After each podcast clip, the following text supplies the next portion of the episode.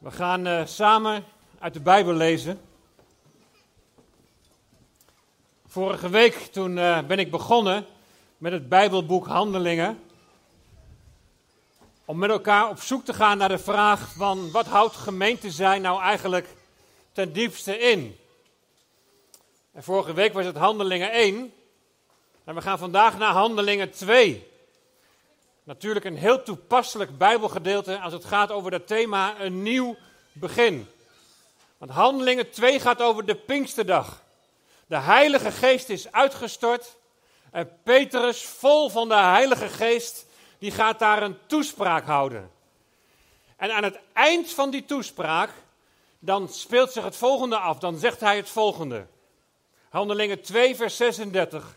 Daar zegt hij, Laat dan heel het huis van Israël zeker weten dat God hem tot Here en Christus gemaakt heeft, namelijk deze Jezus die u gekruisigd hebt. En toen ze dit hoorden, werden ze diep in het hart geraakt. En zeiden tegen Petrus en de andere apostelen: Wat moeten we doen, mannenbroeders? En Petrus die zei tegen hen: Bekeer u en laat ieder van u gedoopt worden in de naam van Jezus Christus, tot vergeving van de zonden, en u zult de gave van de Heilige Geest ontvangen. Een bijzondere gebeurtenis, een nieuw begin. En dat thema een nieuw begin, daar zal iedereen zo zijn of haar eigen gedachten bij hebben. Als je opnieuw begint, dan laat je ook iets achter. Je sluit iets af. Je neemt ergens afscheid van. Iets dat zo vertrouwd was. Een nieuw begin kan heel pijnlijk zijn in relatie tot wat je los moet laten. Maar tegelijkertijd is er misschien wel sprake van opluchting. Er zullen momenten in je leven zijn geweest, en misschien is dat nu wel op dit moment, dat je bij jezelf hebt gedacht of dat je zelf denkt, ik wou dat ik opnieuw kon beginnen. Vanmorgen, of vanmiddag, ja, we zijn zo gewend om smiddags of s samen te komen. Maar vanmiddag wil ik jullie voorstellen aan iemand die een keus in zijn leven heeft gemaakt en die keus die heeft hele grote gevolgen gehad. Zijn leven heeft een totale andere wending gekregen. Ik heb het niet over een of ander staatshoofd, een koning of een president. Ik heb het niet over een voetbaltrainer die als een legende wordt binnengehaald. Ik heb het niet over een hooggeplaatst persoon die op een of andere bijzondere wijze ja, toch een, een, een invloed heeft gehad in deze wereld die de loop van deze wereld heeft beïnvloed. Nee, ik heb het over een visserman. Hij maakte deel uit van een achtergestelde minderheid. Hij leefde in een achterafprovincie van het machtige Romeinse Rijk aan het begin van onze jaartelling. En hij begon zijn leven onder de naam Simon. En hij groeide op in het dorp Bethsaida, dat betekent vissersplaats. En we kennen hem nu als Petrus. En zijn naam betekent rots. Vissen was zwaar werk. Voor de nachtelijke tochten was veel uithoudingsvermogen nodig.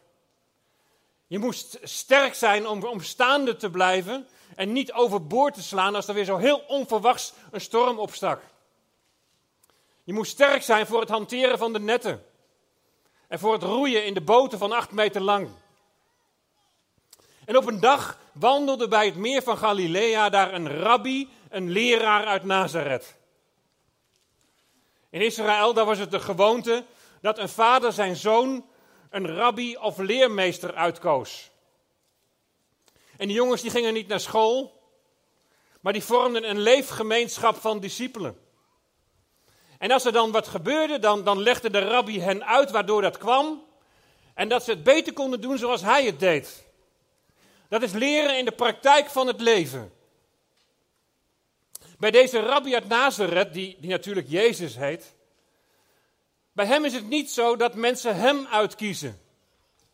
Bijvoorbeeld omdat hij de beste rabbi zou zijn. Het was precies andersom. Het was op een gewone werkdag dat Simon met zijn drie vismaten de stem van je vader heeft, jullie, heeft mij niet uitgekozen, maar ik heb jullie uitgekozen. Ik heb jullie aangewezen om erop uit te gaan en om vrucht te dragen in deze wereld. Petrus en met hem elf anderen. Het is een keus geweest in het leven van Petrus die grote gevolgen heeft. Keuzes in je leven hebben gevolgen. Een nieuw begin. Betekent dat ook voor jou dat je Jezus wilt volgen? Betekent dat dat je het verlangen hebt om Hem te dienen? Dat je het verlangen hebt om vrucht te dragen? Dan zullen we eens kijken hoe het verder ging met Petrus. Tijdens het volgen van Jezus was Petrus een van de discipelen die heel dicht bij de Heer Jezus stond. Ze waren bij bijzondere gebeurtenissen, waren, waren, waren, waren zij met z'n drieën, Jacobus, Johannes en Petrus aanwezig. Bijvoorbeeld Jezus' ontmoeting met, met Mozes en Elia op de berg der verheerlijking. Of bij de opwekking van het dochtertje van Jairus. Bij Jezus' gebed in met Gethsemane. Maar in dat optrekken met de Heer Jezus, in dat volgen van Hem, heeft hij ook verkeerde keuzes gemaakt. Hij heeft verkeerde dingen gezegd waar hij achteraf ontzettend spijt van had. Petrus heeft momenten in zijn leven gekend dat hij wat door de grond kon zakken. En dat hij ook gedacht zal hebben, wat zou ik graag opnieuw willen beginnen. Kon ik de tijd maar terugdraaien en weten wat ik nu weet. En met zijn onafhankelijkheid, met zijn enthousiasme, zijn, zijn directheid en, en met zijn vlotheid was Petrus een natuurlijke leider. Maar in het begin leek hij meer op drijfzand dan op een rots. Hij had genoeg lef om een poging te wagen, over hoge golven te lopen en, en trouw te beloven tot in de dood. Maar in beide situaties overschat hij zichzelf en het volgende moment verloochent hij hem tot drie keer toe. Ik ken hem niet. Bang voor zijn eigen hachie. Nergens probeert de Bijbel zijn zwakten te verdoezelen. Integendeel, de Bijbel is eerlijk. Ook zijn tekortkomingen staan in het volle licht. Petrus, een grote leider en tegelijkertijd een gewoon mens die faalt. Je maakt verkeerde keuzes in je leven. Er zullen dingen fout zijn gelopen. De tijd terugdraaien is niet mogelijk. Maar hoe kun je dan toch echt opnieuw beginnen? Uit het leven van Petrus blijkt dat Gods verlangen is en dat hij niets anders wil dan herstel in jouw leven. En dan niet alleen dat je vergeving ontvangt, dat is allereerst het belangrijkste, maar dat je daarna ook echt bruikbaar bent in zijn hand. Dat je een getuige van hem mag zijn. Uit het leven van Petrus blijkt dat God niet, niets liever wil dan herstel. Petrus heeft zijn meester tot drie keer toe verlogend. En als Petrus dan na de opstanding de Heer Jezus ontmoet, dan is dat best wel even een momentje van, hoe zal dat zijn? Petrus' gevoel van mislukking op zo'n cruciaal moment had hem op hetzelfde suïcidale pad kunnen brengen als Judas. Maar in plaats daarvan wordt hij gedreven naar de genade van God. Een nieuw begin na zijn falen. En misschien ga je gebukt omdat je ook voor jouw gevoel hebt gefaald. Op wat voor manier dan ook. Nou, dan ben je bij Petrus, ben je in goed gezelschap. Jezus stelt hem slechts één vraag tot drie keer toe. Petrus, heb je me waarlijk lief?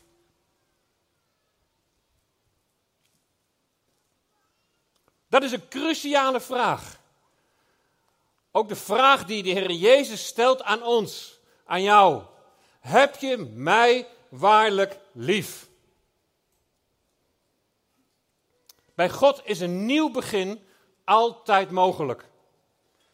Een nieuw begin dat verder gaat dan, oh, het maar eens eventjes een keer opnieuw proberen. Waar God naar verlangt is een diep innerlijke bewerkte verandering in jou, in je binnenste. Dat als je zegt dat je Jezus lief hebt, dat je dit zegt vanuit het besef dat Hij jou eerst heeft lief gehad. Het besef dat Hij zichzelf opofferde om jouw vergeving te kunnen schenken, schenken en je in relatie te brengen met de Hemelse Vader. Waar God naar verlangt is een diep innerlijke bewerkte verandering in onze levens. Een verandering door de Heilige Geest, opdat het nieuwe begin in het teken zal staan van nieuw leven. Dat in het teken zal staan van het dienen van Hem, het volgen van de Heer Jezus. En het verlangen om Hem en je naaste lief te hebben zoals jezelf. Dat gaat verder dan ik hou van je. Maar een liefde waarbij jouw leven een offer is voor God en voor je naaste. En bij offer bedoel ik dat je zegt, Heere, hier ben ik. Net als Petrus met al mijn fouten en mijn gebreken. En ook gaandeweg de weg zal dat best nog eens een keer weer gebeuren. Maar Heer, hier ben ik. Ik heb het verlangen om u te volgen en u te dienen.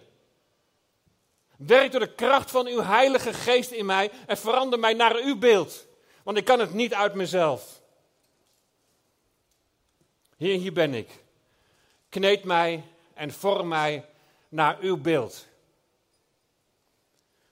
Daartoe ontbreekt Petrus nog wel iets op het moment dat hij zegt dat hij van Jezus houdt. En dat is de inwoning van de Heilige Geest. Want het is de Heilige Geest die dat nieuwe begin in je wil bewerken en wil uitwerken. Die kracht wil geven opdat je Jezus zult volgen, zult dienen en vrucht dragen. En dat brengt ons bij het Bijbelgedeelte dat we samen hebben gelezen. Er is daar iets gebeurd op die Pinksterdag dat Petrus volgen van Jezus totaal vernieuwt. Daarvoor heeft hij Jezus nog drie keer verlogend. Maar als de Heilige Geest wordt uitgestort, dan neemt hij geen blad meer voor de mond. Jezus had beloofd, als de Heilige Geest over jullie komt, dan zullen jullie kracht ontvangen. Jullie zullen kracht ontvangen om mijn getuige te zijn. Tot Jeruzalem en Judea, verder naar Samaria en tot aan het uiterste van de aarde. Nou, dat zien we hier op de Pinksterdag in vervulling gaan. Wat een toespraak van Petrus in Handelingen 2. Een paar versen neem ik er even uit. De kern van zijn toespraak. In Handelingen 2, vers 22, daar zegt hij: Israëlieten, luister naar wat ik u zeg. Jezus uit Nazareth is door God tot u gezonden. Hetgeen gebleken is uit de grote daden en de wonderen en de tekenen die God, zoals u bekend is, door zijn toedoen onder u heeft verricht. Deze Jezus, die overeenkomstig Gods bedoeling en voorkennis is uitgeleverd, hebt u door heidenen laten kruisigen en doden. God heeft hem echter tot leven gewekt en de last van de dood van hem afgenomen. Want de dood kon zijn macht, kon zijn macht over hem niet behouden. En dan vers 32, Jezus is door God tot leven gewekt. En daarvan getuigen wij allen. Hij is door God verheven, zit aan zijn rechterhand en heeft van de Vader de Heilige Geest, die ons beloofd is, ontvangen. En die geest heeft hij ons op, op ons doen neerdalen en dat is wat u ziet en hoort. Nou, de eerste hoorders daar zijn dus Israëlieten. Ze krijgen hier voorgeschoteld wie hun Joodse Messias is. En wat ze hem hebben aangedaan. Hem laten kruisigen, hem laten doden. Als je beseft waarom hij werd gekruisigd. Als je beseft waarom hij werd gedood. Namelijk om onze zonde te vergeven. Om ons te herstellen in de relatie met God de Vader. Dan, dan moet je zeggen, ook de reden dat de Heer Jezus deze weg naar het kruis moest gaan. Of je nu verkeerde keuzes hebt gemaakt met verkeerde gevolgen of er iets, is je iets overkomen, of, of er is je iets aangedaan. Het heeft allemaal te maken met de gebrokenheid van deze schepping. En die brokken zijn door de mens veroorzaakt. Het heeft allemaal te maken met die eerste mens die zich van God afkeerde. En met die eerste mens kunnen we ons vereenzelvigen, want we zijn geen haar beter. Zijn keuze om voor zichzelf te kiezen en meer gericht te zijn op de begeerte van de ogen en onafhankelijk te willen zijn van, van, van God, werkt uiteindelijk in ieder mens door. Heeft ook in ons doorgewerkt. Een nieuw begin is daarom ook geen optie, maar het is een noodzaak. Allereerst voor de eer van God. We zijn geroepen met elkaar om tot eer van Hem te leven. Alles wat dat verhindert, moet worden weggedaan. En daarnaast is dat nieuwe begin voor jou noodzaak, opdat je wordt gered, opdat je eeuwig zult leven in Zijn tegenwoordigheid. Dat eeuwige leven dat nu al kan beginnen als Jezus je redder en verlosser is. Het nieuwe begin ligt in de woorden die we vanmiddag hebben gelezen. Allereerst gericht tot Israëlitische mannen. Maar wat zij moeten doen en de belofte die zij krijgen, dat geldt ook voor ons. Dat geldt ook voor jou.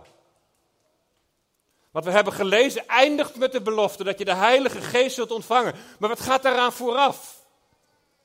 Allereerst moet je zeker weten dat God Jezus tot een Here en tot Christus, tot Messias gemaakt heeft.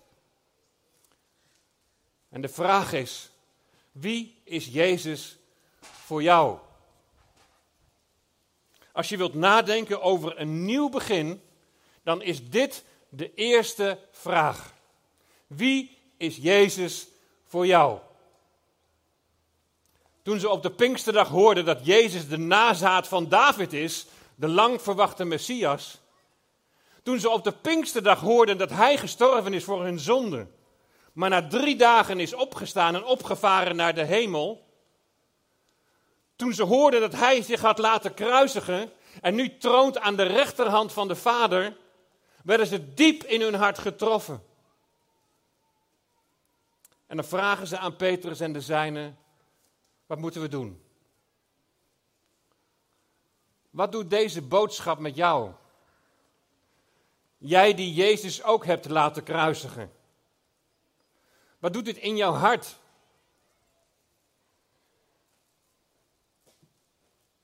Te horen dat er iemand is die onvoorwaardelijk van je houdt en die zelfs zo ver is gegaan dat hij zijn leven ook voor jou persoonlijk heeft gegeven. En misschien zeg je wel, ja, die boodschap die ken ik al lang. En ik heb al lang de Heer aanvaard als redder en verlosser. Maar staan we nog steeds in verwondering? Is er nog steeds die diepe innerlijke dankbaarheid voor de weg die de Heer Jezus is gegaan? Wie is Hij voor jou? Die alles heeft gedaan om in jou dat nieuwe begin ook echt mogelijk te maken. Van zijn kant is alles gedaan. Het is volbracht. En nu is het aan ons en nu is het aan jou. Wat moet je doen? Opdat je de Heilige Geest zult ontvangen. Allereerst bekeer je. Een nieuw begin, dat is niet zomaar een oppervlakkig je omkeren.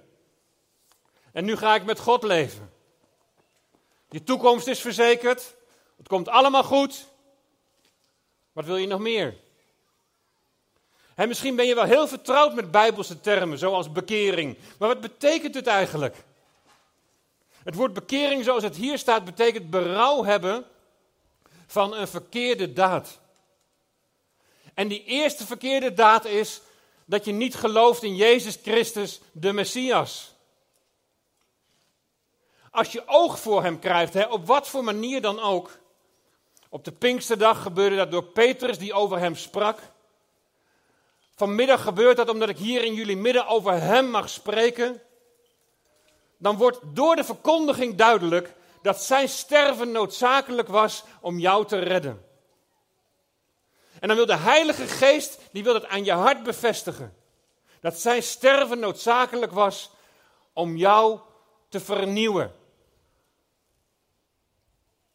Een leven zonder God, zo is het begonnen. dat gericht was op jezelf. Een leven dat niet tot eer van God was. Een leven waarin je je niet door Hem liet leiden. Bij een nieuw begin is het belangrijk om te weten dat je dit hebt afgesloten.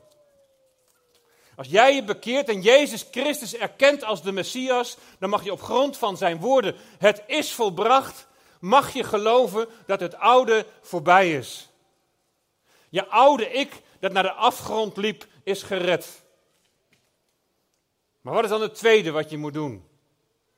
En laat ieder van u gedoopt worden in de naam van Jezus Christus.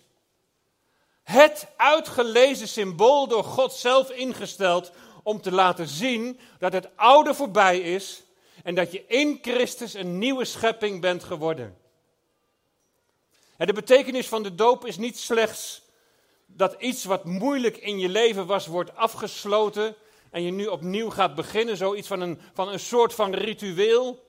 Nee, je beleidt in de doop dat je met berouw je afkeert van je leven zonder je schepper, je leven in ongeloof, een leven dat dreigde verloren te gaan voor hem.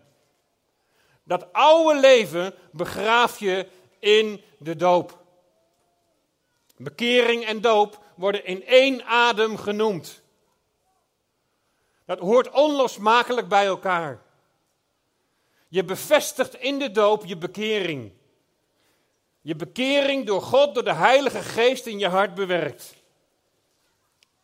Ben je wel bekeerd en niet gedoopt? Hoe kan het dat je je hebt bekeerd en vervolgens niet doet wat hij zegt? Alle bezwaren die je kunt bedenken hebben te maken met twee letters: de I en de K. Met ik. Maar dat ik is toch gekruisigd toen je met berouw over je zonde de Heer Jezus aanvaarde als redder en verlosser. Waarom zou je dat ik steeds weer opgraven? Zo leg je dat nieuwe begin, leg je een beperking op. Een nieuw begin betekent overgave. Wat was ook wel de eerste vraag, als we, als we het over dat nieuwe begin hebben? Wil je Jezus volgen? Mensen die zich bekeren, laten zich dopen en ontvangen de Heilige Geest. Weet je, de preek van Petrus op die Pinksterdag, die duurde maar vier minuten. Vier minuten. Een kort preekje. Ze werden diep in hun hart geraakt. Een besef, dit kunnen we niet zomaar voorbij laten gaan, dit moment. Wat moeten we doen? Is dat ook jouw oprechte vraag naar God? Een preek van vier minuten. En dan is het gevolg, dat kun je lezen in vers 41. Zij nu die zijn woord met vreugde aannamen, die werden gedoopt.